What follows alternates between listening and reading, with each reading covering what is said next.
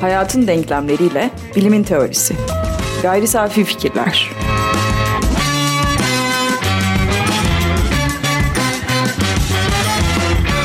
Gayri Safi Fikirlerin 112. bölümüne hoş geldiniz. Ben Tansel Erdem Yılmaz. Bu bölümde bir konuğum var Ömer yerine.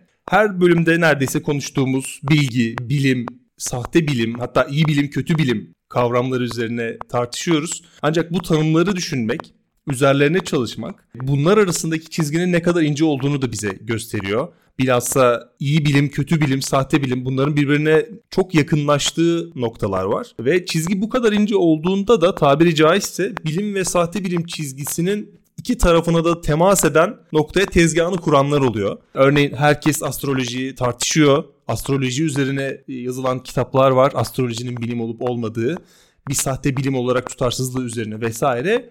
Ancak bunlar çoğunlukla hedefini bulmuyor. Yani sadece astrolojinin bilim olmadığını inananlar arasında ilgi görüyor. Hedef noktasına ulaşmadığı için de çok anlam ifade etmiyor gibi görünüyor. Bu bölümde astroloji herkes tartışıyor. Biz biraz kişisel gelişimin felsefi zeminini tartışalım istiyorum.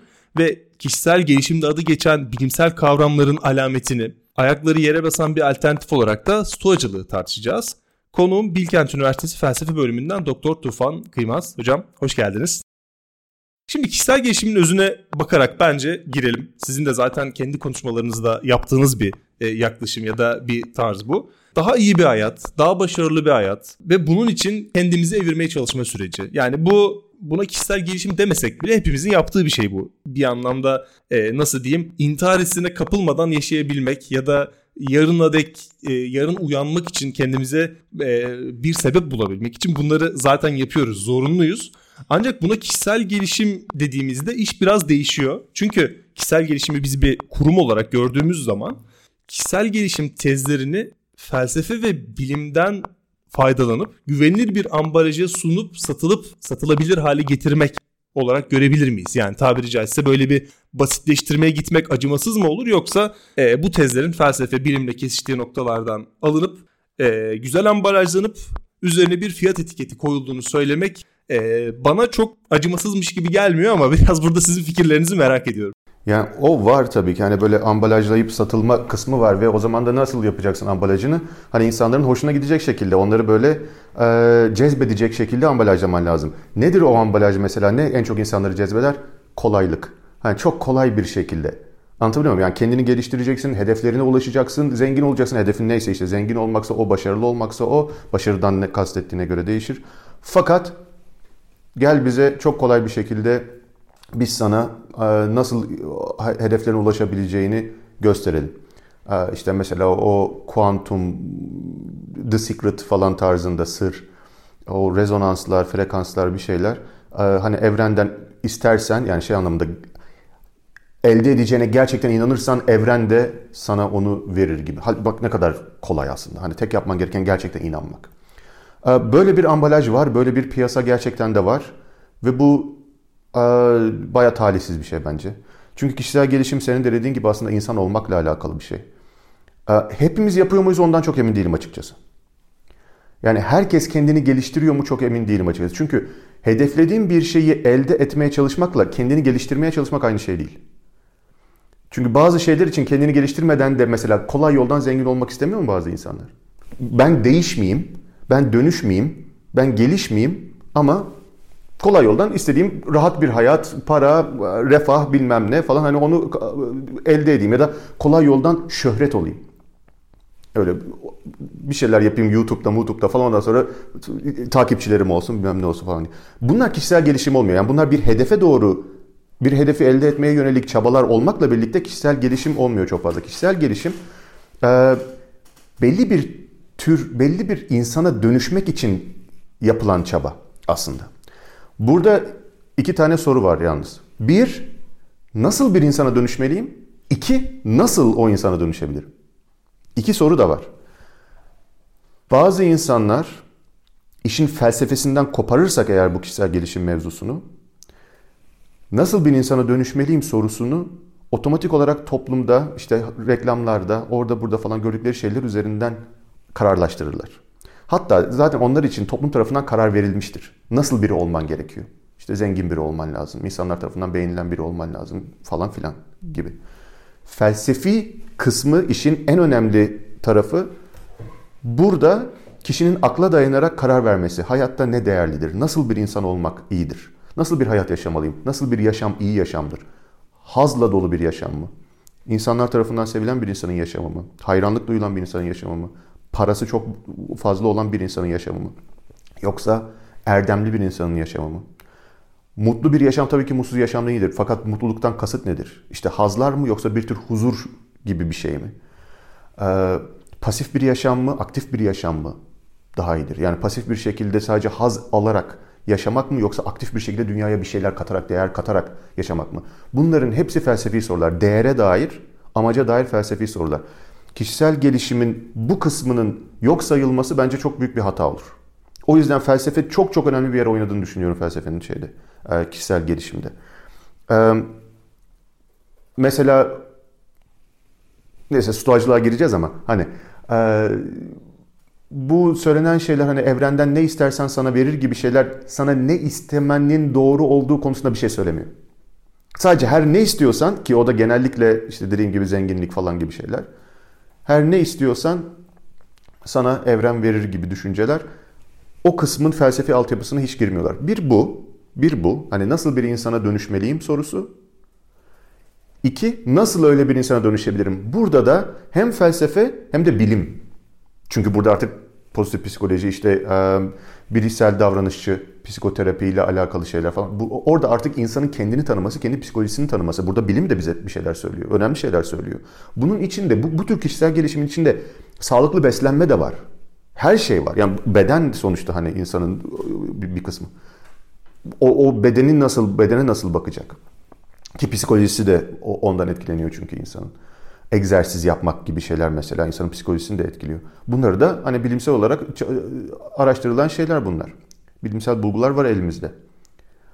Bu anlamda kişisel gelişim hem felsefi hem de bilimsel yönü olan çok da önemli bir şey bence. Ne yazık ki işte senin dediğin gibi içi boşaltılıp kabuğa indirgenip o kabukta çok güzel ambalajlanıp satılan, piyasası olan bir şey. Ve şöyle bir zararı da var bunun. İnsanlar onu takip ettikleri zaman, o tarz, o içi boş ambalajı takip ettikleri zaman gerçekten de kendilerini de dönüştürdüklerini, geliştirdiklerini düşünüyorlar. Ne yazık ki. E o zaman da gerçekten kendini geliştirme gibi bir yola giremiyorlar çünkü zaten geliştirdiğini zannediyor.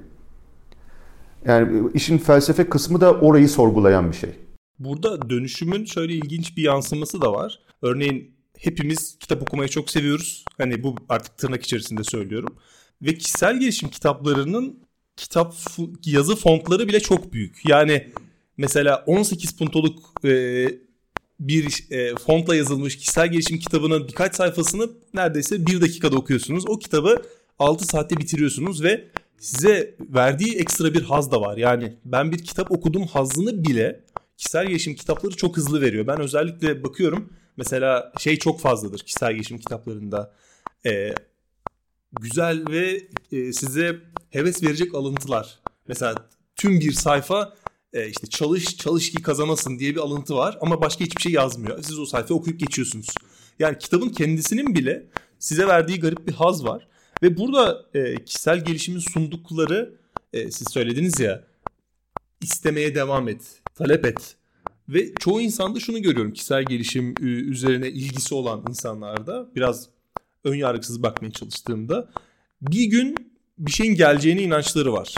Bu bence bunu dine de biraz yaklaştırıyor. Yani orada seni istemeye devam etmen, biat etmen bir şeylere ve e, o çalışmayı sürekli devam ettirmen gerekiyor. Yani evrene mesaj yollayacaksan düzenli yollaman gerekiyor. 6 aydır yolluyorsun demek ki yetmemiş.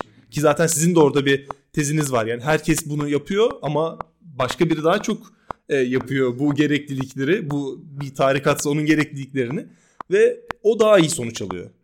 E şimdi bu noktada e, kişisel gelişimin insanlarda duyu, duyu, e, oluşturduğu ilgiye ben çok şaşırmıyorum. Hani burada e, çoğu insan mesela astrolojide de bu yapılıyor. E, nasıl buna inanıyorsunuz? Bunlar nasıl oluyor böyle deniyor ama kendi içimizde barındırdığımız belki kutsallar, belki muhafazakar düşünceler bunların hepsi de kişisel gelişim, astroloji, sahte bilim her neyse onlarla benzer yerlerden besleniyormuş gibi geliyor.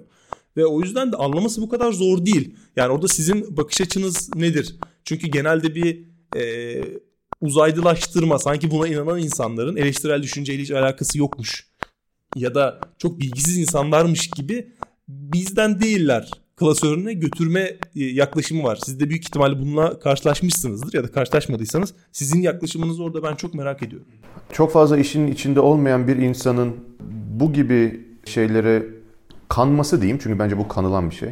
Bu gibi şeylere kanması gayet anlaşılır bence. Çünkü o hani ambalaj demiştin ya. O ambalaj tamam hem böyle kolaylık veriyor hem böyle parlak bir ambalaj aynı zamanda da bilimsel duran bir ambalaj değil mi?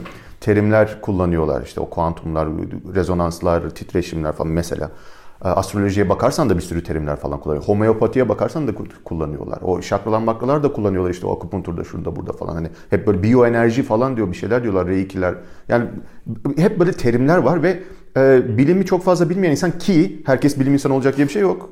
Yani olabilir. Yani insanın bilmediği birçok şey olabilir. Uzaktan bakan için bilimle sahte bilimi ayırmak çok zor tabii ki. Ee, burada bilimle sahte bilimin bence en önemli farkı kişisel gelişim üzerinden gidersek aslında genel olarak da bunu söyleyebiliriz. Ee, ortada kuramlar olması lazım öncelikle. Hani bilimsel kuramlar vardır. Ee, hani ben mesela bu e, şeyde çok fazla kuram bilmiyorum değişik kuramlar evrenden iste sana versin ya da gerçekten inanırsan işte senin düşüncelerinin belli bir titreşimi vardır. Bu titreşimi evren algılar ondan sonra o evren sana o titreşimin e, içeriğini verir. Mesela zengin olmayı hayal ediyorsun. Zengin olduğuna inan, zengin olacaksın. Mesela bunun açıklamasına dair kuramlar. Nasıl oluyor da oluyor? Evren nasıl oluyor? Nasıl oluyor da senin düşüncenin frekansı özellikle öncelikle nedir? Hani o neyin frekansı oluyor? Ondan sonra evren onu nasıl yorumlayabiliyor? Ondan sonra nasıl bütün evren sırf senin için değişiyor falan. Bunların açıklamalarına dair farklı kuramlar olup bunların birbirleriyle rekabet etmesi lazım. Bilimde öyle farklı kuramlar vardır. Bunlar rekabet eder. Bilimsel dergilerde yayınlanır bunlar. Ee, akran değerlendirmesinden geçerek yani bilmeden kimin yazıldığı, kimin tarafından yazıldığı bilinmeden bazı diğer bilim insanları o bilim insanının makalesini ya da işte o grubun makalesini değerlendirir. Acaba bu yayınlanmaya değer mi değmez mi? Ondan sonra onun üzerinden yorumlar yapılır. O makale tekrardan düzenlenir, tekrardan yazılır, tekrardan gönderilir, yayınlanır. Başka bilim insanları o yayınlandıktan sonra aynısını tekrar etmeye çalışır. Acaba gerçekten bu bulgular doğru mu değil mi? Hani idealde böyle olur. Bir kendini düzeltme mekanizması vardır bilimde. Bilim camiası kuramları değerlendirirken bazı standartlara sahiptir. O standartlara uyup uymadığına bakar. Mesela e, yeterince açıklama gücü var mı? İşte yeterince empirik olarak desteklenmiş mi?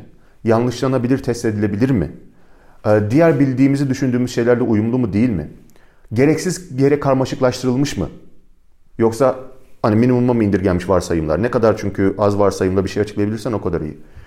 Bunun gibi birçok bunlara e, bilimsel erdemler diyebiliriz kuramların e, bir kuram ne kadar çok bu erdemlere sahipse o kadar iyi bir bilimsel kuramdır mesela.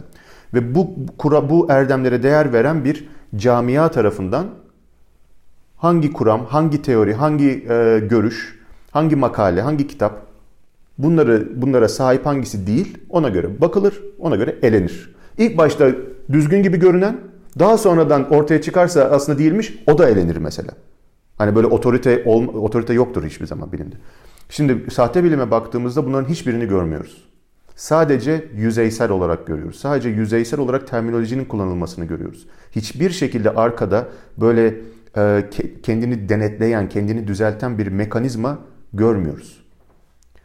Bu anlamda da sadece o dediğin ambalaj, içi boş ambalaj olarak duruyor.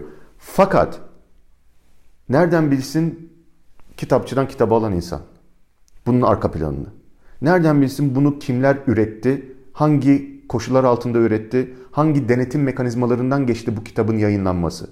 Çünkü bilimsel kitap, bilimsel makaleler acayip bir uzun bir denetim mekanizmasından geçtikten sonra. Diğerleri kendin bile yaparsın. Hani bir yerden yayınlarsın. O e, şey kısmı işin e, okuyucunun bunu görememesi ve ayırt edememesi bence gayet anlaşılır. Ve bunun için de özel olarak çaba gösteriliyor zaten. Çünkü net diyor? Doktor diyor adının başına. Mesela. Değil mi? Alıntılar yapılıyor. Bazen o alıntılar yani bu sahte bilim şeylerinde. Bazı, o alıntılar işte doktor bilmem kim işte Japonya'da orada burada falan e, yaptığı bir araştırmada şöyle bir sonuç bulundu. Hani nerede ama bilimsel makaleye atıf yok. Sadece bir insanın ismi geçiyor orada mesela. Bilimsel makaleye atıf yok. Kendisine doktor diyor bu konularda konuşan insanlar. Neyin doktor olduğu belli değil ve bazen de tamamen alakasız bir şeyin doktoru. Yani gidip başka bir yerden almış bir doktor, do, yapmış olabilir doktora, insanlar yapıyorlar doktoru ama ondan sonra gidip de işte beyin bilimleri üzerine çalışıyor. Ondan sonra işte bak beyin bilimlerinde diyor bu enerjiler bilmem neler, o rezonanslar falan. Halbuki doktorası tamamen alakasız başka bir yerde. Ama adına doktor başına koyuyor onu. Şimdi o zaman tabii ki bunu gören insan ayırt edememesi gayet normal. Ee, sonradan geri çekilmiş olan makalelere atıflar yapılabiliyor. Sonradan sorunlu olduğu belli olan artık bilimsel makalelerde geçmeyecek, atıfta bulunulmayacak makalelere kötü bilime yani. Kötü bilime atıflarda bulunulabiliyor. Direkt cımbızlanabiliyor. Bağlamından koparılabiliyor mesela bilimsel makaleden yapılan, bilimsel makaleye atıf yapılırsa da. Ee, bazen direkt şeyi de görüyorum yani. Direkt gerçek dışı atıflar. Yani Einstein şöyle dedi. Ve hayır. Değil. Çünkü şu makalesinde şu sayfada diye gösterilmiyor. Bilimsel yayınlarda yapılır o. Bu gibi yayınlarda yapılmıyor. O zaman kontrol edemiyorsun acaba gerçekten öyle mi değil mi diye. Ve Einstein'ın hiç söylemeyeceği bir şeyi ona yakıştırıveriyorlar. Yani bu gibi sebeplerden dolayı ben açıkçası insanları suçlamayı sevmiyorum. Hani senin hatan sen nasıl olur da böyle bir şeye kanarsın? E, bunların hepsi zaten öyle görünsün diye dizayn edilmiş şeyler. Yani bilimselden ayrılması zor olsun diye dizayn edilmiş şeyler zaten. Ee, bu işin geleneğinde bu var. Sahte bilimin geleneğinde. Yoksa bilim dışı derdik. Niye sahte bilim diyelim ki? Sadece bilim dışı derdik. Sahte bilim dememizin sebebi bilim gibi durması. Aynı şey gibi. Hani sahte Nike ayakkabı falan gibi. Yani onun gibi dursun diye yapılıyor. Burada bu insanların yani bu kitabı yayınlayan insanların bilim insanı olup olmamasından ziyade onların özellikle itibarlılaştırıldığı bir durum da var. Yani televizyon sektörü ya da medya sektörünün bu insanlara bağımlılığı, bu insanları sürekli ekranda tutması bir anlamda ismini bilinir kıldığı için e, herhalde bu biliyor ki bunu çıkarıyorlar diyor ama belki paralar verip çıkıyor ki bazı durumlarda kişi oraya çıkmak için paralar veriyor. Ve burada kurgulanan bilim sahte bilim ayrımında benim dikkatimi çeken şöyle bir detay var. Bilim kendi kendini kendi mekanizmalarıyla tartıyor yanlışlıyor ya da düzenliyor ama sahte bilimde ya da sahte bilimi e, şöyle genelleştirelim. İnsanı farklı bir boyuta çıkaran uhrevi, dine yakın yaklaşımlarda çünkü astroloji de kişisel gelişim de bana kalırsa dine çok yakın yaklaşımlar. insanın benzer yerlerini okşayan yaklaşımlar. Yine din gibi olmuşluk ve sanki bilimi de gözeten yapılarmış gibi. Yani mesela bilim çalışsın orada onlar. Gençler çalışsın üniversitelerde çalışıyorlar astroloji kadim. Gelecek ve düzeltecek. Şimdi bunun zaten test edilmesine gerek olmadığı düşünülüyor ve test edilin, din, edilmesini talep ettiğin zaman yine din referans burada da çalışıyor. Yani bazı şeylere ki e, bunu geçenlerde bir kaynakta okumuştum.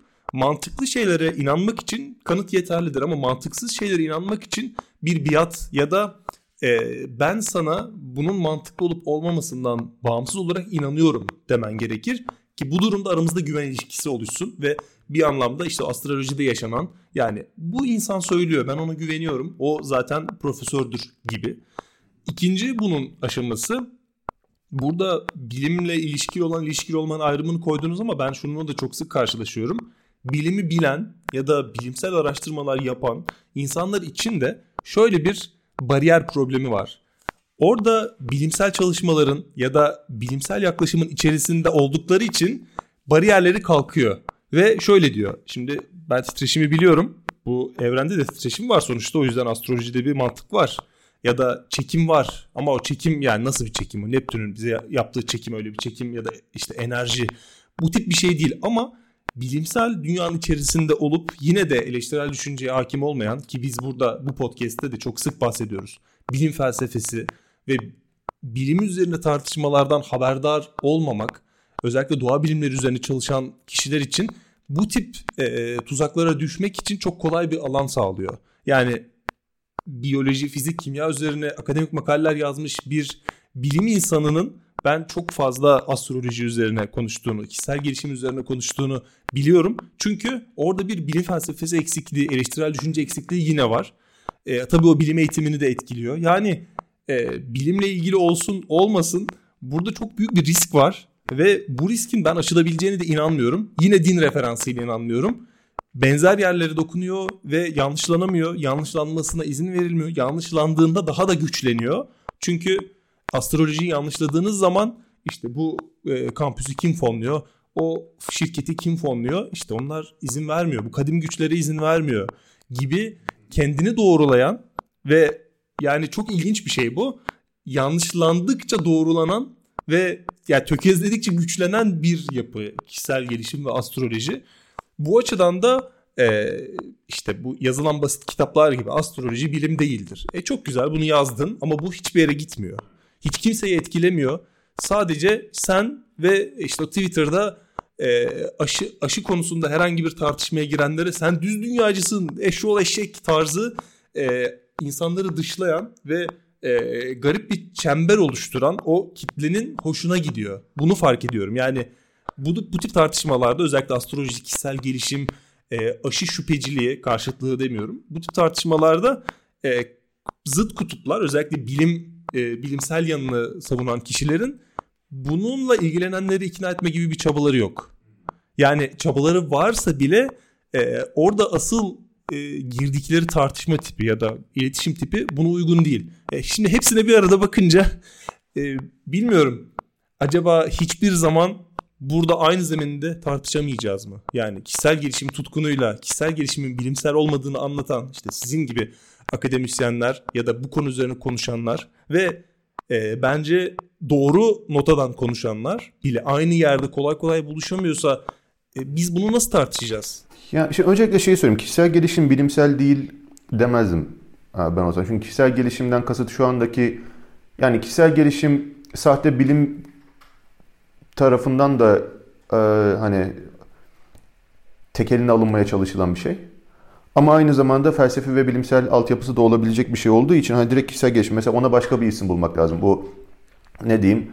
Ee, sahte bilimsel kişisel gelişim falan gibi bir şey derdim. Çünkü kişisel gelişim gerçekten de kişi olarak insanın kendini geliştirmesi. Bu yani gayet normal bir şey bence. Gayet de güzel ve bilimsel e, altyapıyla, felsefi altyapıyla da yapılabilecek bir şey. E, şimdi öncelikle bir şey söyleyeyim. Bu, bu hani insanlar çıkıyorlar, konuşuyorlar bu konular hakkında. Astroloji hakkında bir konuşuyor böyle işte Mars geri gitti bilmem bir Venüs oradan kaçtı falan bir şeyler diyorlar. Onlar bize işte etkili ama ne kadar kendilerinden emin söylüyorlar değil mi? Ne kadar kendilerinden eminler. Ee, ne yazık ki hani böyle inanmakla bilmenin farkını bir insanın o konudan ne kadar emin olduğu zanneden insanlar var. Anlatabiliyor muyum? Ne kadar eminsen inancından o kadar bilgi sayılır o. O yüzden bazı insanlar diyorlar ki inanmıyorum ben biliyorum. Ama hani biliyor musun gerçekten de delilin ne? Kanıt, delil falan onlar ne? Gerekçelerin ne? Epistemik. Yok ama eminim. Ama emin olmakla bilmek aynı şey değil. O zaman bir insan çıkınca da ve kendisinden çok emin bir şekilde söyleyince dinleyen insan ne diyor? Ya vardır bunun bir bildiği yani. Kendinden o kadar emin. Bilim insanına bak. Bilim insanı o kadar emin konuşmaz ki kendinden. Çünkü bilir. Deliliyle orantılı olması lazım söylediğinin kesinliği.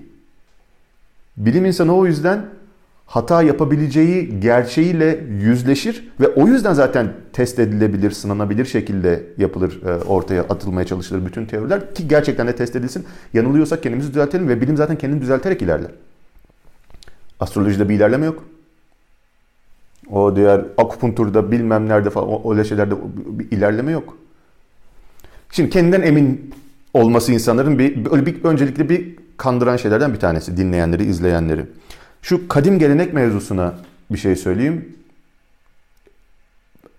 E, yani kadim olması, işte bir şeyin gelenek olması bazen iyidir. Yani bazen bir şey gelenek olması gerçekten de onu takip etmek için güzel bir sebep verebilir bize. Mesela e, ben şu mesela diyelim ki şu, şu anda elimde şey tutuyorum, kalem tutuyorum ya. Mesela ben buna şimdine itibaren pencere diyeceğim. Şu tuttuğum şeye. Ee, şuna da şu hani dışarıya baktığımız, içinden dışarıya baktığımız şeye de masa diyeceğim. Ben şimdi böyle desem kimse beni anlamaz. Neden bahsettiğimi anlamaz.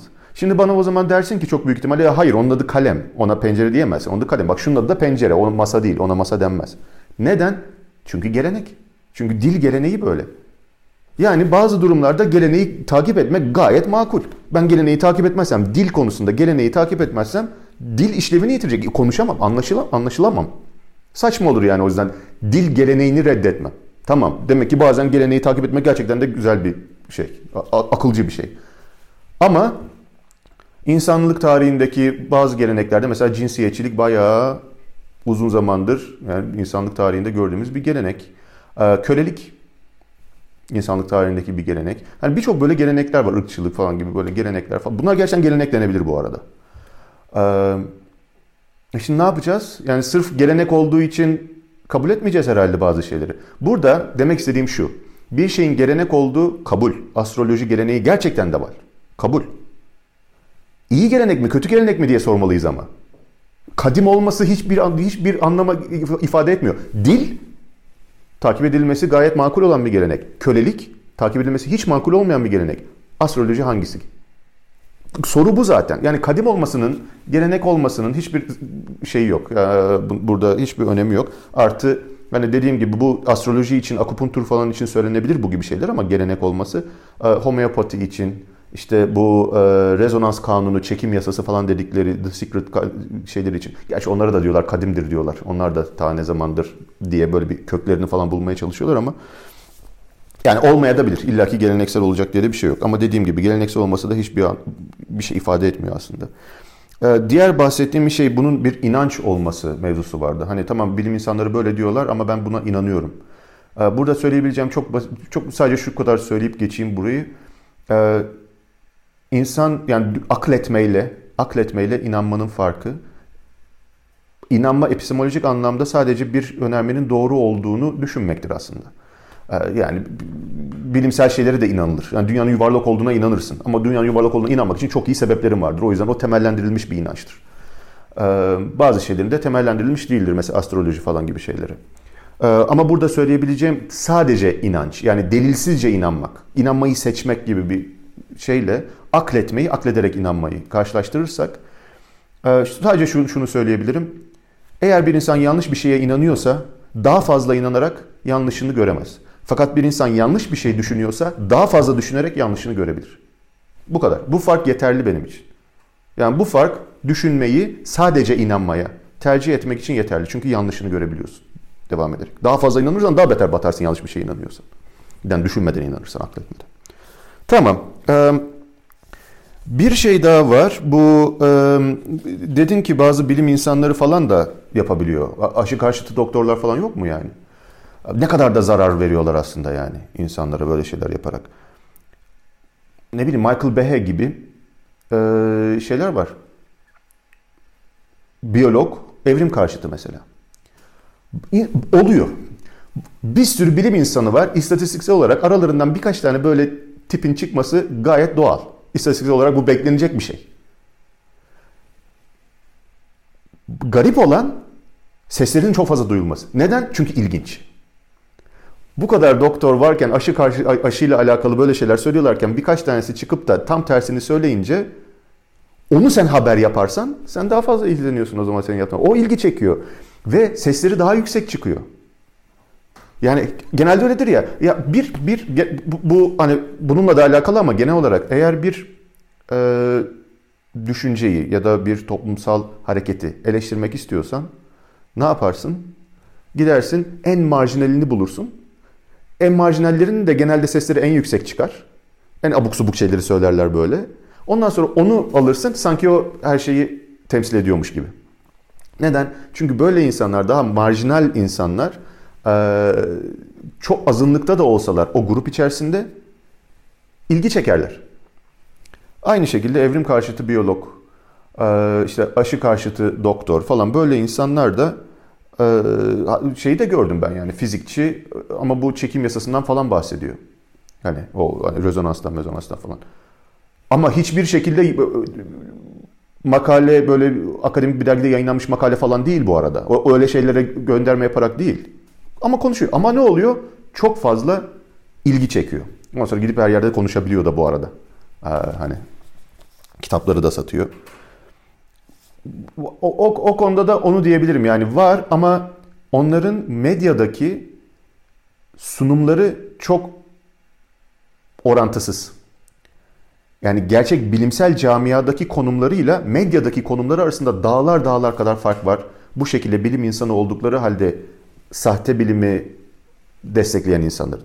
Yok demiyorum var ama çok çok çok çok kenarda köşedeler yani şey içerisinde.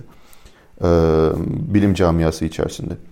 Ve bir şey daha bunlara bu böyle şeylere karşı çıkıldığında da komplo teorisi. Aa işte bak sen bize şey yapıyorsun işte biz e, bizi bastırmaya çalışıyorsun, bizi susturmaya çalışıyorsun. Hatta onlar diyorlar genelde aklınızı kullanın, aklınızı kullanın. Her insan kendi aklıyla karar versin. Değil mi? Mesela dünyanın düz olduğunu düşünen o Flat Earth Society falan da öyle diyor. Sen kendin, sen, sen diyor NASA'ya kanma diyor. NASA seni kandırmıyor. NASA'nın çok derdiyim şimdi. NASA seni, bizi kandırmaya çalışıyor dünyanın yuvarlak olduğuna dair. Ee, sen bak bakalım ufka yuvarlak görünüyor mu? Hayır. Tamam. Bak kendi kendi kendi deneyimlerin üzerinden.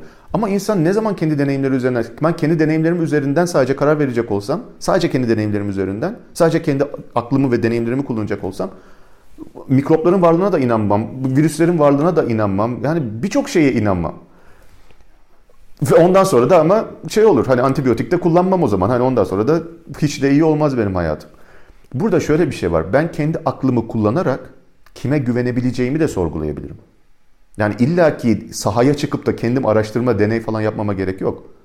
Hangi yayınların daha güvenilir olduğuna, kimlerin kimleri dinleyebileceğimi, kimlerin dinlenilmeyi hak eden uzmanlar olduğuna karar da verebilirim ben kendi aklımı kullanarak. Çünkü bunu yapmak zorundayım.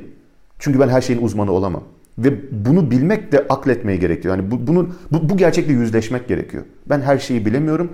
Doktora güvenirim tıp konusunda. Akupunkturcuya şeye değil. Homeopatiye uzmanına değil.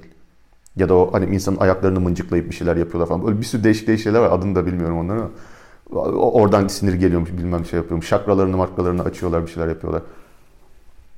Ben aklen baktığımda, sınadığımda, araştırmalarına baktığımda ne kadar ilerlediklerine baktığımda, kendilerini ne kadar düzelttiklerine baktığımda, eleştiriye ne kadar açık olduklarına, bütün bunlara baktığımda bilimsel yaklaşımın çok daha fazla takip edilmeye değer e, olduğunu görüyorum. Şimdi komplo teorisi o zaman ama şöyle bir şey daha söyleyeyim. Her eleştirildiğinde bak senin bu söylediğin akla empirik bulgulara uygun değil diye her eleştirildiğinde ha sen beni susturmaya çalışıyorsun sen işte bu kadim geleneği susturmaya çalışan bilim e, bu şeyinin ne diyeyim emperyalizminin bir üyesisin falan. Bana öyle şeyler söylerse eğer gerçekten de orada diyalog yoktur artık. O konuda ne yapılabileceğini çok bilemiyor. Hani sen diyorsun ya belki de iletişim çok da mümkün değildir e, falan. Böyle bir şey olduğunda çok gerçekten de iletişime imkan kalmıyor. Belki de yapılabilecek en iyi şey o diyaloğu açık tutmak için soru sormak. Yani bak benim alternatifim var diye dayatmak değil de bilimi sen neden peki bunun doğru olduğuna inanıyorsun? Hani seni bunun doğru olduğuna inandıran nedir? Sırf bilim insanları bir şeye karşı çıkıyor diye bu bilim insanlarının karşı çıktığı şeyin doğru olduğunu gösterir mi? Pozitif şeyin nedir? Ondan sonra diyebilir ki ya işte ben işte astrolog bana şöyle dedi bak çıktı gerçekten de.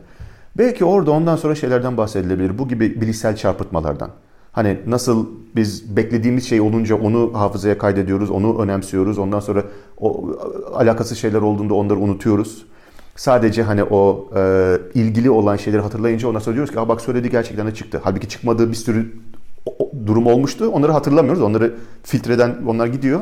Filtreye takılanlar sadece işte bizim önem verdiğimiz, dikkatimizi çekenler. Dikkatimizi neden çekiyor? Çünkü zaten bize söylemiş olduğu için tesadüfen de olsa. Ee, hani belki de burada yapılması gereken şey direkt ya bak sen şöyle bir insansın, böyle bir insansın falan asla bence öyle bir şeyler söylemeden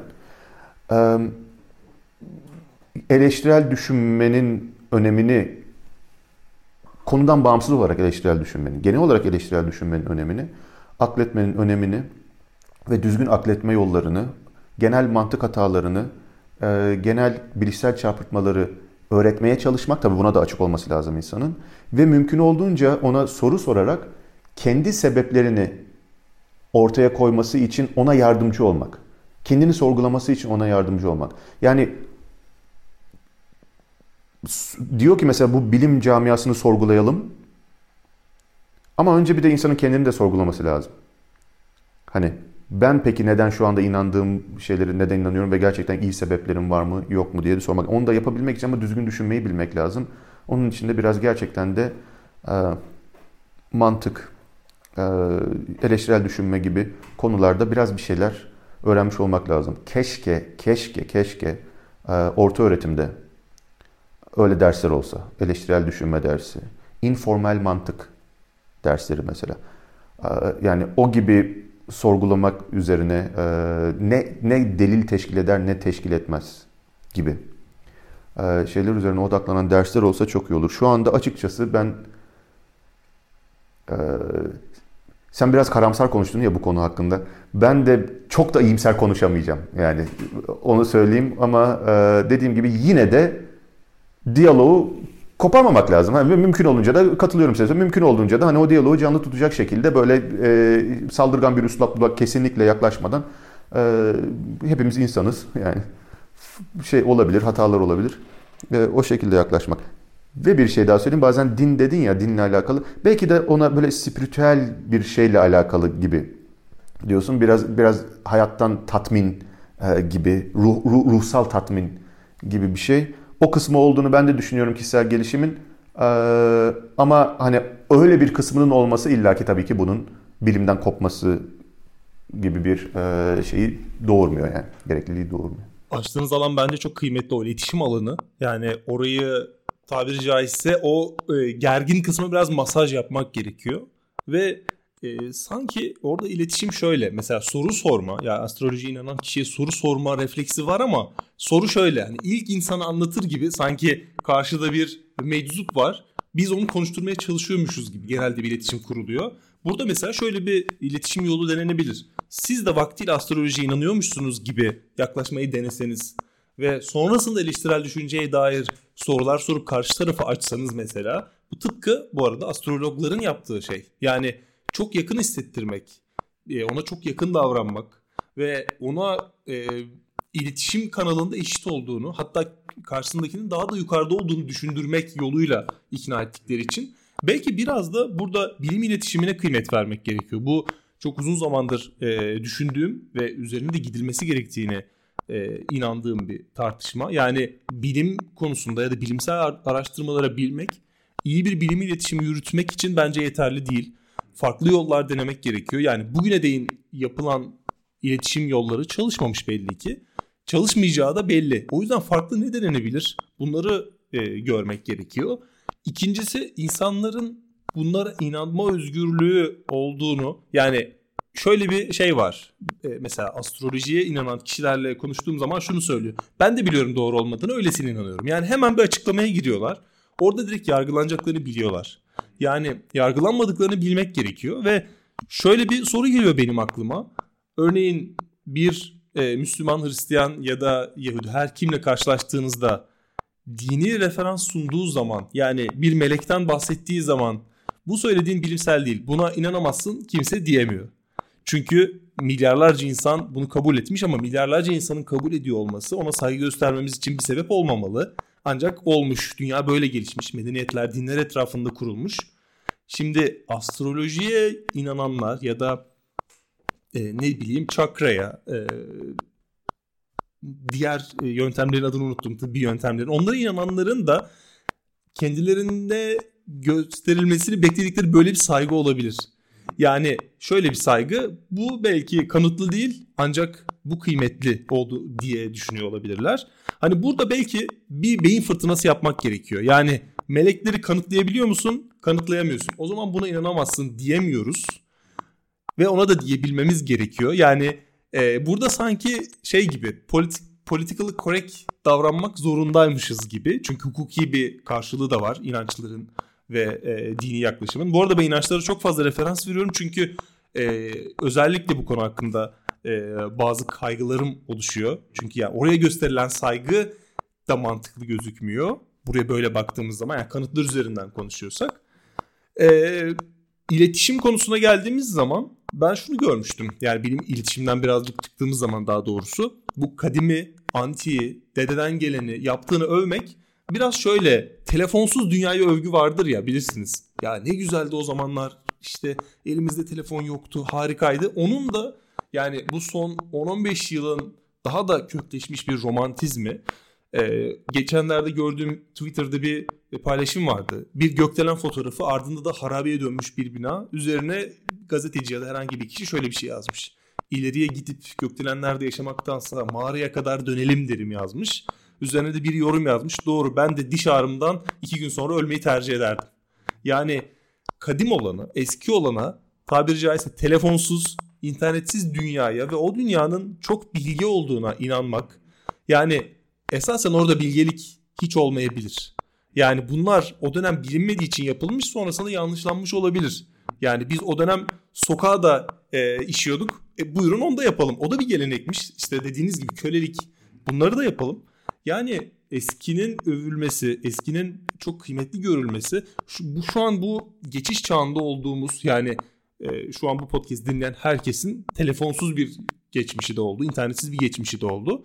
Telefonla ve internette de bir geçmiş oldu. Yani arada kalmışlığımız özellikle bu son 30 yılın neslinin e, daha da coşturduğu bir his olabilir. Mesela şu anın Z kuşağı ya da onların bir sonraki kuşağı belki de astrolojiye, kişisel gelişime, çakralara bu kadar ilgi duymayabilir. Çünkü e, bizim yaşadığımız ve bizim kuşağımız yaşadığı nostaljinin bunları çok fazla tetiklediğini düşünüyorum. Bu Confucius'un bir sözü var önce 6. yüzyılda. Bu yeni nesil çok bozuldu diye. Yani bu hep böyle. Yani bu bu bu böyle. Her değişime e, karşı bir şey var, tepki var.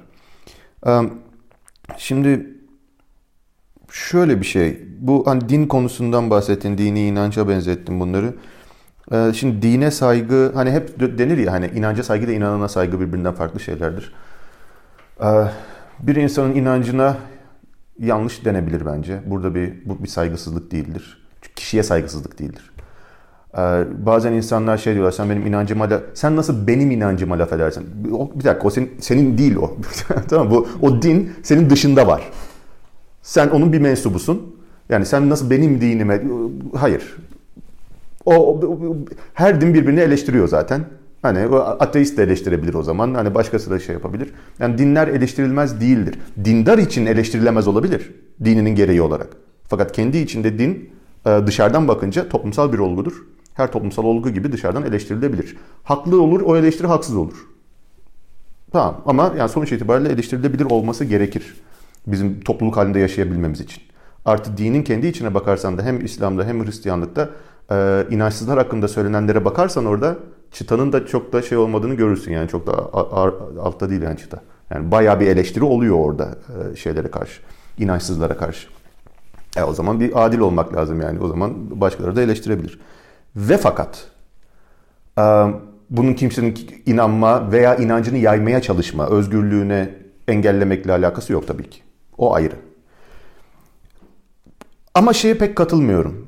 Senin dediğin hani mesela meleklerin varlığını kanıtlayamıyor diyelim ki bir insan. Katıl, e, kanıtlayamıyorsan inanmamalısın. Yani ben o kadar ileri gitmiyorum açıkçası. Ee, yani bilemiyorum ben. Ya ben galiba biraz prensiplere karşıyım. Prensip olarak kanıtlayamadığın hiçbir şeye inanmamalısın. Öyle bir prensibim benim yok. Ee, şeyler, tikel olaylar üzerinden gidiyorum. Hani burada inanmamak daha iyi buna ya da inanmak daha iyi diyebilirim. Fakat prensip olarak çünkü mesela William James'in falan da şeyleri var. Bazı durum, bazı koşullar altında çok makul olabilir kanıtsızca inanmak. Bazı koşullar altında ama diyor. Bence de bir haklılık payı var orada. Yani ben o prensipler üzerinden gitmiyorum ve açıkçası insanları yargılamıyorum çok fazla insanların neye inanıp inanmamaları konusunda. Ama eğer bir insan çıkıp da mesela bu e, sahte bilimi yaymaya çalışırsa o zaman topluma zararlı olduğu için ona karşı çıkarım. E, şu burada şöyle bir şey yapılabilir belki de bu iletişimde. Bir bilim bilimsel iletişimde bilim iletişiminden bahsettin. Şimdi bu daha çok hani sosyal medya ya da medya üzerinden falan yapılabilen dergilerden, kitaplardan falan hani böyle bilimin yayılması ve bilimin anlatılması aslında. Bir de kişisel iletişim var ama hani birebir sahte bilime inanan bir insanla ya da sahte bilimi savunan insanla bir kişisel bir iletişim var. O kişisel iletişim kısmında ben açıkçası e, yani insanı mümkün olunca yargılamadan, o insanı yargılamadan hani ben daha önce astrolojiye hiç hayatımda inanmamış olabilirim. O zaman da inandım demeye gerek yok bence orada. Ama daha önce hiç astrolojiye inanmamış olabilirim ama birçok konuda fikrim değişti. Biliyorum yani yanlış bir şeye inanmanın nasıl bir şey olduğunu. Yani insan kendini geliştiriyor yavaş yavaş. Ee, orada o kişiye meydan okumak iyi değil bence. Hani kanıtla homeopatiyi, kanıtla şey işte o secret, mikret falan şeylerini. Bence orada bir o, o insana dair o insan adına duyulan bir endişeyle yaklaşmak, insani bir şekilde yaklaşmak ve birazcık insanın kendi duygularını orada ya ben endişeleniyorum yani bu, bu böyle bir şeye e, sen inanıyorsun. Bence bence bence çok önemli bir kelime bence kelimesi. Bence e, bu söylediğinin bir şeyi yok, bilimsel altyapısı yok.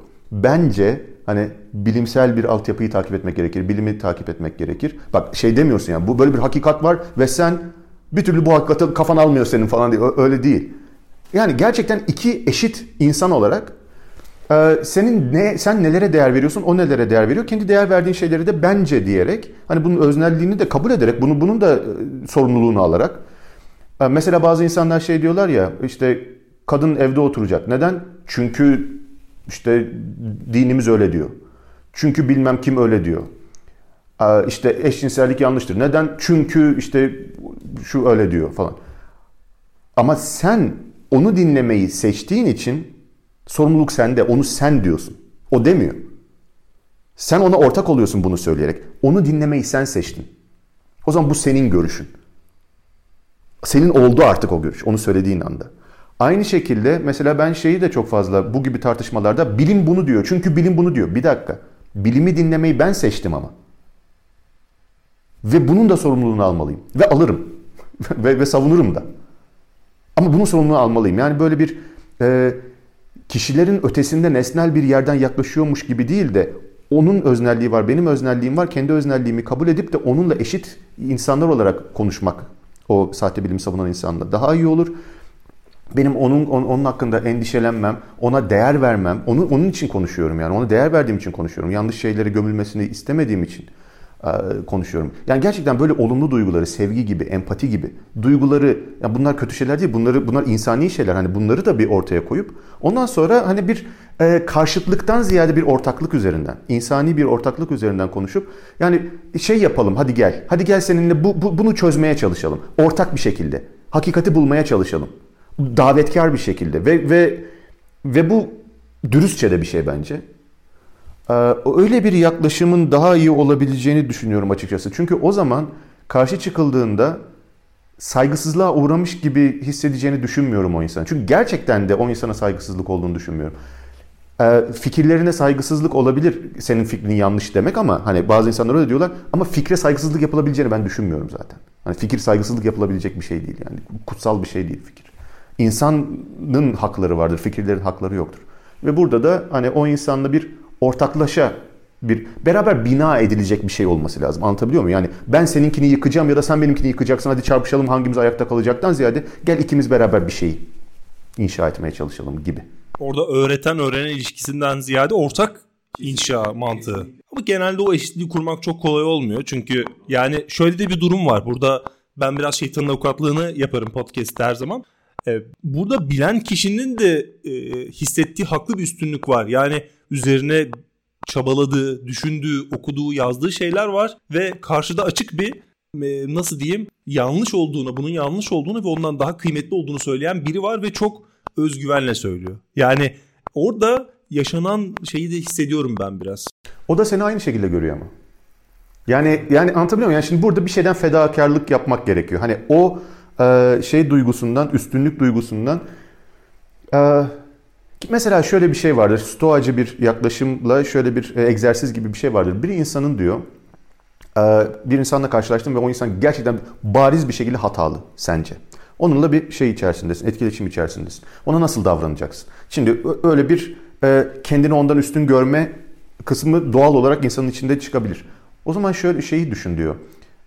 Stoacıların sofos, bilge dedikleri böyle bir artık tamamen felsefi bir Sokrates gibi böyle tamamen felsefi bir hayat yaşayan artık böyle aşmış. Anlatabiliyor muyum? Böyle erdemli, çok erdemli, çok düzgün insan, bilgili, erdemli. Öyle bir insan olsa, Epiktetos bilmem ne falan olsa mesela. Ki kendine sofos demiyor Epiktetos ama hani öyle gene de rol model olarak alınabilecek insanlardan bir tanesi. Ee, o se, senin karşındaki insanla senin arandaki mesafeyle seninle o sofos ya da bilge hani o artık aşmış olan insan arasındaki mesafeyi düşün. Büyük ihtimal seninle o diğer insan arasındaki mesafe daha bile fazladır. O zaman şunu düşün. Ben acaba o insanın gözünde nasıl görünüyorum? Ben bir sürü hatam var şu anda. İrade eksikliğim var, bilmem öz disiplin eksikliğim var, bilgi eksikliğim var falan böyle. Olgun değilim onun kadar bir sürü eksikliğim var. O bana nasıl davranırdı? Ben de o zaman şimdi bu benden daha şey gördüğüm insana, daha eksik gördüğüm insana o şekilde davranayım diye düşünürsün. Anlatabiliyor muyum? Ve o insan, mesela o bilge olan insan sana yardımcı olmak istediğinde üstünlüğünü dayatmaz sana. Tam tersine sana yardımcı olmaya çalışır. Elinden tutmaya çalışır. Seninle ortak bir zeminde konuşmaya çalışır. Yani bazen açıkça e, stoacılar şey diyorlar. Bazı insanlar çocuk gibidir diyor. Ama sen çocukla konuşacağın zaman ne yaparsın? Dizinin üstüne oturursun aşağıya göz göze gelirsin değil mi? Onunla aynı seviyeye inersin. E, o çocuğu sevdiğin için. Yani burada da her insanın da bir e, hataları olabileceğini kabullenip e, belki de yani gerçekten o insana değer verdiğin için onunla konuşmak o büyük, büyük bir fark yaratıyor. O zaman o üstünlük çok fazla işin içine girmeyebilir açıkçası. Diyalogda kendini de göstermeyebilir. O zaman bir alternatif olarak stoacılığa girmek gerekiyor. Çünkü ekseni biz birazcık e, kişisel gelişimden aldık, eleştirel düşünceye götürdük ve bu e, tartışma ayaklarının birleştiği noktada bir stoacılığı görebiliyoruz. Ki benim en çok ilgimi çeken şey bu. Yani her sahte bilimin tartışmasında ya da kişisel gelişim sahte bilim olarak belki göremeyebiliriz ama bir alternatifsizlik hali olabiliyor. Yani insanlar astrolojiye inanıyor ama astrolojinin alternatif astronomi değil. Yani orada sunan e, sunulan hem bilgece bilgece hem de e, belki de bilgiye dayanan bir alternatif yok. Stoacılık hem doğaya uygun, erdemli ve dolayısıyla mutlu bir yaşam. Önerdiği şey bu. Doğaya uygun olmak, erdemli olmak o sondaki mutluluğu, mutlu yaşamaya ulaşmanın anlık heyecanına ulaşmayı zorlaştırıyor. Ya da stoacılık her koşulda mutlu olmayı mı öneriyor? Yani bunlar tabii artık şey e, birazcık karikatürize edilmiş hali. Hani ne olursa olsun mutlu ol gibi bir şeye götürülüyor stoacılık. Bu pek doğru değil. Birazcık stoacılığın bu anlamına girmek gerekiyor. Çünkü stoacı kişisel gelişim de bir yerde hani ben bunu böyle e, basitleştiriyorum gibi ama esasen stoacılıktan da bu kişisel gelişimin bilimselmiş gibi gösterdiği kavramları birazcık sıyırıp güzel bir kendimize nasıl diyeyim yol haritası ya da yol gösterici bulabiliriz. Ben ama bunu, bunun kendisine kişisel gelişim diyorum zaten. Hani belki de stoacı kişisel gelişim falan diyebiliriz buna ya da bilimsel kişisel gelişim ya da bilgece. Bilgece kişisel gelişim. Ee, felsefi kişisel gelişim falan öyle bir şey denebilir belki buna. Ee, yani evet şeyin bu stoacılığın stoacılığı şöyle söyleyebilirim. Öncelikle bilimle bayağı uyumlu öncelikle. Neden? Çünkü susmayı biliyor. Anladın mı? Bilim, bilimsel bir gerçek ortaya çıkarıldığında, bilimsel bulgular ortaya çıkarıldığında, bilimsel teoriler olduğunda ondan sonra stoacı demez ki hayır ben işte eski Epiktetos'u takip edeceğim ben. Seneca ne derse o. Hayır. Seneca'nın kendisi diyor. Bu arada Seneca Roma döneminden bayağı ünlü bir, e, etkili bir e, stoacı filozof. Seneca diyor ki kendisi e, bizim diyor ben diyor kadim yolu bak gene o da söylüyor bunu, bunu kullanıyor. Ben diyor kadim yolu takip ederim diyor. Fakat Eski filozoflar, eski stoacı filozoflar, kurucuları bu düşüncenin bizim öğretmenimizdir. Sahibimiz değil, köle, köle sahibi anlamında. Sahibimiz değildir onlar bizim. Ve eğer birisi bana kadim yoldan daha iyi bir yol çizerse o zaman da o, o yoldan çıkarım o yola giderim diyor. Ve diyor hakikat kimsenin tekelinde değildir. Ve gelecek nesiller içinde hakikatin çok büyük bir kısmı kalmıştır zaten diyor. Yani tamamen gelişime açık bilimsel bulguları kabullenmeye açık. Ee, bir felsefi yaklaşım bu. Dogmatik değil, kesinlikle dogmatik. Bunun özünde var bu dogmatik olmamak aslında. Yani kişisel gelişim aynı zamanda düşüncenin gelişimi, felsefenin kendisinin gelişimi de var bu, bu, bu işin içerisinde. Tamam. Şimdi o zaman stoacılık ne ben mesela doğaya uygun yaşamak demiştin. Hani onların sloganı gibi bir şey böyle. Aslında başka kinikler minikler falan da söylüyorlar. Doğaya uygun yaşamaktan kasıt ne? Hem doğa yani bizim dışımızdaki doğa, doğadan kastı böyle çiçek böcekten ziyade evren. Ne varsa. Hakikat. Ona. Bir de insan doğasına. iki tane. Hakikate uygun yaşamak ne demek? Gerçeklere uygun işte. Yani bu aslında burada bilinme uygun diyebiliriz. Bilimsel bulgulara uygun yaşamak. Yüzleşmek, gözünü kaçırmamak gerçeklerden. İnsan doğasına uygun yaşam ne demek? Bunu da iki tür, e, iki yönü olduğunu söylüyorlar insan doğasının. Bir akıl, bir de toplumsallığı insanı. Toplumsal insanlığın, insanın hakikatlere ve toplumsallığına uygun akılcı bir yaşam yaşaması. Doğaya uygun yaşamdan kasıt. Bunu böyle açıklıyorlar zaten. Neden akıl? E çünkü bizim içimizde hani bir sürü şey olabilir. Stoacılar öfke gibi, kıskançlık gibi, kaygı gibi negatif duygular diyorlar bunlara. Bunlara karşılar çünkü insanı akılcı yaşamaktan alıkoyan şeyler bunlar. Hani öfkelenince normalde düşünmezsin hani o bypass geçer öfke. Seni, seni, seni dürter bir şey yapmak için. Genelde de şiddet de yöneltir mesela. Ee, Stoacı hani şeyde diyebilirsin evrimsel olarak bu da doğal değil mi? Hani öfke möfke falan hani doğaya uygun yaşayacaktık. Stoacıların bakış açısından şöyle bir şey var. Akıl işin içine girdiğinde o diğer hepsi kaybolur. Neden? Çünkü sen aklınla öfkeyi değerlendirebilirsin. Ve sorabilirsin acaba yani şöyle bir şey diyebilirim. Akıl girdiğinde bir bir e, varlığın doğasına akıl girdiğinde artık doğası akıldan ibaret oluyor. Çünkü doğasındaki diğer her şeyi aklıyla sorgulayabiliyor ve reddedebiliyor. O zaman aslında her şey akılda kalıyor. Yani hiçbir zaman sen şey diyemezsin. Ya benim benim benim doğamda cinsellik var. Yok mu? Bütün hayvanlarda yani eşeğiyle yürüyen hayvanlarda cinsellik var, cinsel dürtüler var. O zaman ben bu cinsel dürtümü takip ederek işte taciz edeceğim milleti bilmem ne yapacağım falan. Hayır ama senin aklın da var. Sen artık sorabilirsin. Karar verebilirsin aklını kullanarak. Acaba bu doğru bir şey mi yanlış bir şey mi? Tamam içimde var. Fakat bu benim takip etmem gereken bir şey mi içimde? Çünkü içimde aynı zamanda vicdan da var. Çünkü içimde aynı zamanda adalet duygusu da var. Yani biri beni o yöne itiyor, biri beni o yöne itiyor. Hangisini takip edeceğine akıl karar veriyor. Akıl işin içine girdiğinde biyoloji, biyolojide indirgenemiyor artık doğa, insanın doğası. O yüzden diyorlar aklımızı takip etmeliyiz, akılcı bir hayat yaşamalıyız.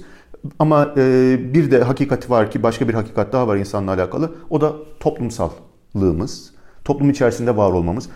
Bak seninle konuşurken dili kullanıyoruz. Ben kendi kendime düşünürken de dili kullanıyorum. O dil nereden geldi? Toplumsal. Yani ve dil beni ben yapan şeylerden biri. Benim düş- nasıl düşündüğümü belirliyor. Yani yani biz özünde toplumsal varlıklarız. Ee, bunu da reddetmememiz lazım. Toplumsallığımızı yani diğer insanlara olan yükümlülüklerimizi göz önünde bulundurarak akılcı bir e, hayat yaşamaya çalışmamız lazım. Ve bu hayatta senin de dediğin gibi mutlu bir hayat olacaktır. Neden? Çünkü insanına uygun hayat budur. Yani mesela o negatif duygular dediğim akla aykırı olduğunu söyledikleri duygular onları böyle bastırmaktan da bahsetmiyorlar bu arada. Öfke çıkınca öfkeyi böyle bastır falan. Hayır o tam tersine kötü bile şey yapabilir. Kanalize edebilirsin ama böyle bastırmaya çalışmak falan çıktı mı bir kere daha bile beter yapabilir. Çok çok işte o yüzden kişisel gelişim deyip duruyorum bu stoacılık için. Anahtar şu onlara göre. Bu negatif duygular, patolojik duygular, patos diyorlar onlara. Patolojik duygular, öfke, kaygı, işte stres, kıskançlık, korku falan bu gibi duygular hem memnuniyetsizlikten kaynaklanır. Hani bir şey istediğin olmayınca falan bir korku falan. Hem memnuniyetsizlikten kaynaklanır hem de memnuniyetsizlik verir. Ve akılcı bir hayat yaşamanı zorlaştırır. Mevzu, esas yaklaşım bu duyguları bastırmaya, yok etmeye çalışmak değil, bu duygulara ihtiyaç duymayacak bir insana dönüşmeye çalışmak. Yani birçok insan öfkeyi kullanıyor şu anda. Öfkelenmese adaletsizliğe karşı çıkmayacak ya da hakkını savunmayacak mesela. Kaygılanmasa öğrenci yarınki sınavına çalışmayacak mesela. Burada yapılması gereken şey kaygıyı ortadan kaldırmak değil. Çünkü kaygıyı ortadan kaldırırsan çalışması gereken sınava çalışmayacak belki de. Burada yavaş yavaş günlük egzersizlerle falan böyle hayatını bilinçli bir şekilde yaşayarak gitgide sınava çalışmak için doğru olan şeyi yapmak için kaygılanmaya ihtiyaç duymayan bir insan haline dönüşmek adaletsizliğe karşı çıkmak için, hakkını savunmak için öfkelenmeye ihtiyaç duymayan bir insan haline dönüşmek. Kişisel gelişim işte bu. Kendini geliştirmek. O zaman onun sanki böyle damarını, onu besleyen damarı kesiyorsun gibi. Sönümleniyor yavaş yavaş o. Senin üzerindeki etkilerini kaybediyor negatif duyguların. Böylece huzurlu bir hayat yaşıyorsun. Bu duygusuz falan da bir hayat değil. Hani arkadaşlıktan, işte sevgi, empati gibi duygulardan falan e, doğru olanı yapmaktan duyulan sevinç, hani iyi şeyleri yapmaktan duyulan heyecan, bir sürü olumlu duygu hala olur bir stoacının hayatında. Duygusuz robotça bir hayat değil bu. Fakat böyle negatif duygular dedikleri duyguları da e, sen hayatını zorlaştıran, Yani değil mi? Öfkeyle kalkan zararla oturur. Yani öfkesiz bir şekilde hakkını savunsan daha iyi olmayacak mı? Bilgece savunsan daha iyi olmayacak mı? O gibi duyguları da minimize etmek. Bunların biyolojik tabanı olduğu için %100 ortadan kaldırılamayabilirler. E, fakat onları beslememek. İçinden biyolojik olarak çıkar. Ondan sonra onu şey yaparsın. Genelde biz çünkü içimizden kaygı çıkar. O kaygı hakkında kaygılandığımız için daha beter olur. Biz besleriz yani. Öyle şeyler. Böyle bir hayat yaşı yaşamaya yönelik olarak hani bu, bu, bu hedef bu böyle bir hayat yaşıyor olmak gitgide kendini geliştirmek bu hem e, huzurlu mutlu bir hayat olacaktır bu söylediğim sebeplerden dolayı hem de aynı zamanda da topluma da yararlı insanlara yararlı işte diğer canlılara da yararlı bir hayat olacaktır çünkü erdemli bir hayattır aynı zamanda bu. Şimdi erdemli hayat diyerek orayı noktaladınız ama erdem kavramı yani erdemli davranışları tanımlamak güzel oluyor. Yani yapılan şey bu çok erdemli bir davranış diyebiliyoruz bu erdemsizmiş diyebiliyoruz ama davranışlar özelinden çıktığımız zaman ya da aksiyonlar özelinden çıktığımız zaman erdem tartışmasını ben hep çok ince bir buz üzerinde görüyorum. Yani bir hırsızın ya da bir katilin yaptığı şeyin erdemli ya da erdemsiz olması onun önceki hikayesine ya da o olaydan 30 saniye öncesine bakıp onu erdemli görüp 5 dakika öncesine bakıp e, erdemsiz bir davranışmış gibi yargılayabiliriz. Yani e, birazcık e, yorumlamaya açık gibi görünüyor. Yani saf erdemli olmanın ne olduğu şüpheli ki böyle bir şeyin olduğuna da pek inanmıyorum. Ve erdemli davranışın altında yani bizim hiç bilmediğimiz erdemden uzak bir gaye de olabilir. Bunu da hiç bilemeyeceğiz.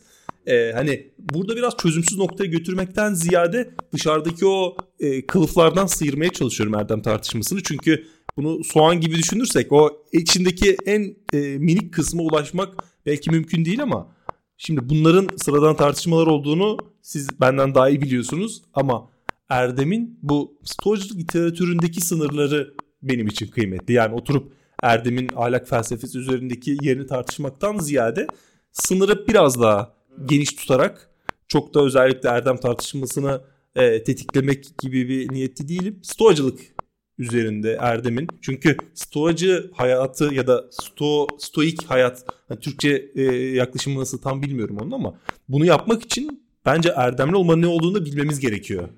Kesinlikle. Çok haklısın. O e, ilginç bir şekilde erdemi birkaç tane tanımından bahsedebiliriz de stoacı bir yaklaşımla öncelikle çok da e, bilgi veren bir tanım olmamakla birlikte doğaya uygun yaşamak erdemli yaşamaktır. Tamam.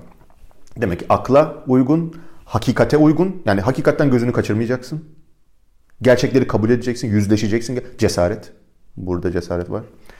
Ee, bir hakikati gördüğünde sadece olanı değil aynı zamanda hani senin yapabileceğini de göreceksin. Onunla da yüzleşeceksin. Hani ben bu insanlara yardım edebilirim. Gerçeğiyle de yüzleşeceksin falan. O da var. Ee, akılcı bir hayat yaşayacaksın ve toplumsal varlığını reddetmeyecek bir hayat. Ama yine de bilgi verici olmadı çok fazla. Hani çok genel geçer oldu. Dört tane erdemden bahsederler stoacılar. Bilgelik, cesaret, ölçülülük, adalet. Tamam. Ama şimdi senin verdiğin örnek mesela bir adamdan bahsettin yani mesela diyelim ki bir seri katil diyelim ki seri katil şey yapsın. Ee, hiç korkak bir seri katil değil bu. Çok cesur bir seri katil. Gidiyor böyle orada polisler falan olmasına rağmen mesela cesaret gösteriyor ve hala gidiyor kurbanını kaçırıyor falan bir şeyler yapıyor. Şimdi buna şey mi diye erdemli seri katil mi diyeceğiz cesur diye. Ya da mesela yine aynı seri katil içki içmek istiyor ama diyor ki eğer içersem ben e, ağzımdan sırlarımı kaçırabilirim. Ölçülülük, ölçülü davranıyor. Kendini tutabiliyor. Öz disiplini davranıyor. O bayağı erdemli bir seri katil o zaman. Şimdi stoacılar derler ki hayır, ha, hayır hiç alakası yok. E, erdemlerin birliği diye bir kuramları vardır onların, stoacıların. Aslında sadece bilgelik vardır. Bilgelik tek erdem. E, cesaret tehlike karşısında bilgece davranabilmektir. Ölçülülük ayartma karşısında bilgece davranabilmektir. Adalet diğer insanlara davranışlarında bilgece davranabilmektir. Sadece bilgelik vardır. O da doğru ve yanlışın bilgisidir aslında. Diğerleri o bilginin e, birazcık know-how şeklinde o, kendini böyle tecelli edebilmesidir, onu gösterebilmesidir sende. Erdem dediğimiz zaman bu çerçevede, stoacı çerçevede, genel erdem etiğinde karakter özelliklerinden bahsediyoruz. Eylemlerden değil. Yani erdemli eylem, erdemsiz eylemden bahsetmiyoruz. Erdemli insan, erdemsiz insandan bahsediyoruz. Karakterini geliştirmek. Ee, her hareketin yani bazen böyle ahlaki ikilemlerde kalabiliriz. Acaba hangisi doğru hangisi yanlış karar veremeyebiliriz. Orada stoacıların söylediği e, sen kendini geliştirmeye çalış, karakterini geliştir, daha erdemli bir insan ol, daha iyi bir insan ol, daha akılcı yaşayan bir insan ol, daha duygularının kontrolünde, da, duygularını iyi yönetebilen bir insan ol. O zaman sen zaten karar verebileceksin hangisini seçeceğini. Öyle olmadan seçemezsin. Yani ben e, çok sık verdiğim örneklerden biri satranç örneğidir. Mesela e, Geri Kasparov oynuyor orada satranç. Bir yerde adam işte en büyük satranç ustalarından bir tanesi. E, bir yerde bir pozisyona geliyor. Şimdi ben soruyorum ya bu en doğru hareket hangisi acaba burada? Acaba hangisini yapacak? En doğru hareket hangisi? En doğru hamle. Yani utilitarianlar, kantçılar falan hani bir formül verirler. O formülü üzerinden hesaplarsın çıkar falan. Stoacı yaklaşım, Aristotelesçi yaklaşım da böyle. Stoacı yaklaşım. Bunun cevabı yok. Bunun algoritması yok. Ben sana nasıl iyi bir satranç oyuncusu olabileceğini söyleyebilirim. Kendini nasıl geliştireceksin, nasıl bir satranç ustası haline gelirsin. Yeterince iyi bir satranç ustası haline geldiğinde zaten doğru hamlenin hangisi olduğunu sen kendin göreceksin. Yani günümüz tartışmaları içerisinde hiç tatmin edici bir cevap olmadığına katılıyorum. Çünkü ne tartışıyoruz biz bugün? Kürtajın ahlakiliği, ötenazinin ahlakiliği, ölüm cezasının ahlakiliği, intiharın ahlakiliği, bilmem hayvan yemenin ahlakiliği. Bu, bu gibi şeyleri tartışıyoruz ve davranışlar üzerinden gidiyoruz. Yemek, hayvan, hayvan yemek, et yemek ahlaklı mı değil mi? İşte bilmem şu ahlaklı mı değil mi? Bir cevap istiyoruz burada eylemlere yönelik. Erdem etiği erdemlere yönel, erdemlere bakmaz, karaktere bakar. Daha iyi nasıl bir karaktere sahip olabiliriz? Nasıl kendimizi geliştirebiliriz? O zaman da sen e, çünkü her durum pr- pratikte e, farklıdır bağlamları farklıdır. Orada sen aynı o e, Geri Kasparov'un belli bir durumda hamleyi görebilmesi gibi zaten doğruyla yanlışı kendini ayırt edebileceksin. Burada yapman gereken şey kendini geliştirmek, işte o öfke gibi şeylere falan kapılmamak. Buradan da genel olarak zaten daha erdemli bir insana doğru gidersin. Çünkü ben şöyle düşünüyorum açıkçası. Öncelikle erdemi de şöyle ben e, çağdaş stoacı bir bakış açısından tanımlayayım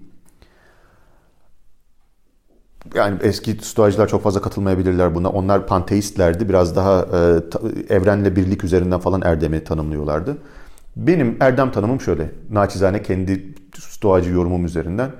Bir insanı dünyaya değer katmaya sevk eden karakter özellikleri erdemdir. Yani, yani adalet, cesaret, ölçülük falan hepsi oluyor o zaman. Bir insanın dünyaya değer katmaya, e, daha adil bir yer yapmaya dünyayı, sevk eden karakter özellikleri diyebilirim e, şey için, Erdem için. Ve burada bilgelik de akıl da burada tabii ki çok işin içinde oluyor.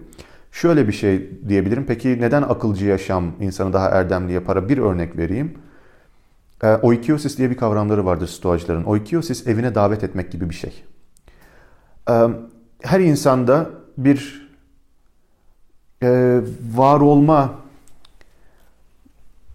dürtüsü vardır doğal olarak diyorlar.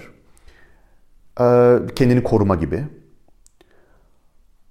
Ve her insan eğer böyle psikopat, sadist falan değilse, yani tamamen böyle artık erdemli olma kapasitesinden yoksun değilse tamamen birilerin, bir bazı insanları da sever.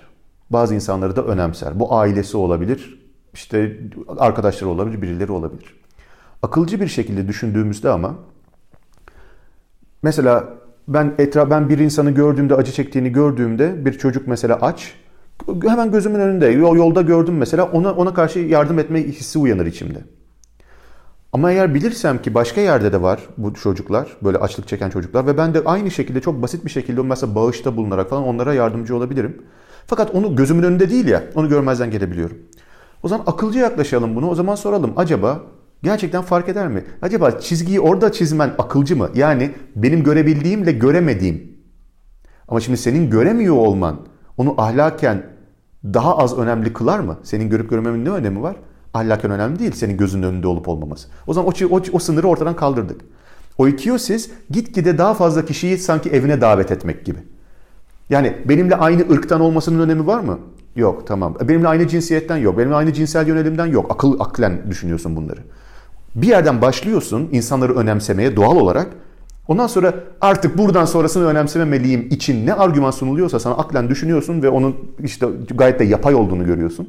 Yani aslında bu işin doğasında yani doğal doğaya uygun yaşarsan o ikiosis gitgide e, bu Hierokles stoacı filozoflardan e, birbirini içeren çemberler olarak diyor düşünün. Gitgide çemberi genişletin. Ve en son şeye varıyorsun. E, kozmopolis. Yani kozmopolitandır stoacılar. Kiniklerden aldıkları bir şey. Kozmos, polis yani evren ülkesi. Hepimiz aynı ülkenin vatandaşlarıyız. İnsan olduğumuz için. Bunu bugün diğer canlılara da tabii yapabiliriz. Yani daha da genişletebiliriz. Yani bu anlamda yani akılcı düşünen bir insan çünkü bütün ırkçı, cinsiyetçi argümanların boş olduğunu varsayıyorum bu arada. O zaman şey koymayacaktır. Sınır koymayacaktır ve e, dünyaya değer katmaya nasıl insanları seviyorsa e, bütün insanlara karşı bir sevgi duymaya e, yönelecektir. Akılcı yaşayan, felsefi yaşayan, stoacı bir şekilde yaşayan insan. Dışlananların dışlandığı noktayı keşfedip o noktadan sonra onu kendi o öyküsüne dahil etmek yani o saf sevgi olarak anlatılan ve genelde saf sevgi olarak anlatılan tüm öğretilerin bir popüler kültürde dalga ya da geyik malzemesi olması durumu vardır. Burada stoacılığın kurduğu mantık bana kalırsa saf sevgiden de öte. Çünkü e, sevgi birazcık kendinizle ilgili. Yani sadece kendi kısmınızı anlayan yani e, bu böyle bir insanmış. Neyse öyle olsun ben de şimdilik onu seveyim dersiniz ama onu anlayıp kendi evinize davet etmek onu hem onunla olacak çatışmalarınızı azaltıyor. Böylece sizi daha huzurlu bir hayata götürüyor. Hem de bir anlamda adaletsizlikleri ya da e, bunu herkesin yaptığı durumu varsayıyorum. Bunun genişlediği durumu varsayıyorum. Daha huzurlu bir toplumu da getirebiliyor. Herkes kendi evinde ve birbirlerini de e, evlerine davet ettiği durumda. E, mesela bu kavramı ortaya koyduğunuz zaman bu erdemle de e, bir yerde örtüşüyor. Erdemi tanımlamada da örtüşüyor. E, çünkü bunu yaparken e, erdemli birine otomatik olarak dönüşüyoruz ve bize bir maliyeti yok. Yani sadece bir adım daha atıyoruz ve daha erdemli oluyoruz. Aynı zamanda e, ufkumuz da biraz daha genişliyor. Burada şöyle bir şey de var. Yani stoacılıktaki en önemli şeylerden bir tanesi benim çıkarımla başkalarının çıkarı arasında bir ikiliğin olmaması burada. Hani çünkü insanlar bencildir denir ya böyle insanlar bence sadece kendilerini düşünürler falan. Ee, şimdi stoacılık aynı zamanda bir tür ben merkezli bir şey var stoacılıkta. Çünkü kişisel gelişim felsefenin temelinde kendini geliştirmek. Fakat kendini nereye doğru geliştiriyorsun? Daha erdemli bir insan olmaya doğru geliştiriyorsun. E, erdemli insan da haksızlık gördüğünde karşı çıkan insandır. Yani sen kendini geliştirdikçe aslında dünyaya da katkıda bulunuyorsun. Bu yüzden benim çıkarım yani iyi insan olmak benim çıkarıma. Çünkü aynı zamanda beni mutlu edecek ve doğama uygun bir şekilde yaşayacağım. Ve herkesin de çıkarına benim iyi insan olmam. Öyle bir ikilik yok burada. Hani kendinden bir şey fayda yaratmıyorsun başka insanlara yardımcı olmak için. Zaten başka insanlara yardımcı olmak, dünyaya değer katmak aslında kendini seni değer, değerlendiriyor, daha da değerli hale getiriyor. Yani senin de senin için de iyi.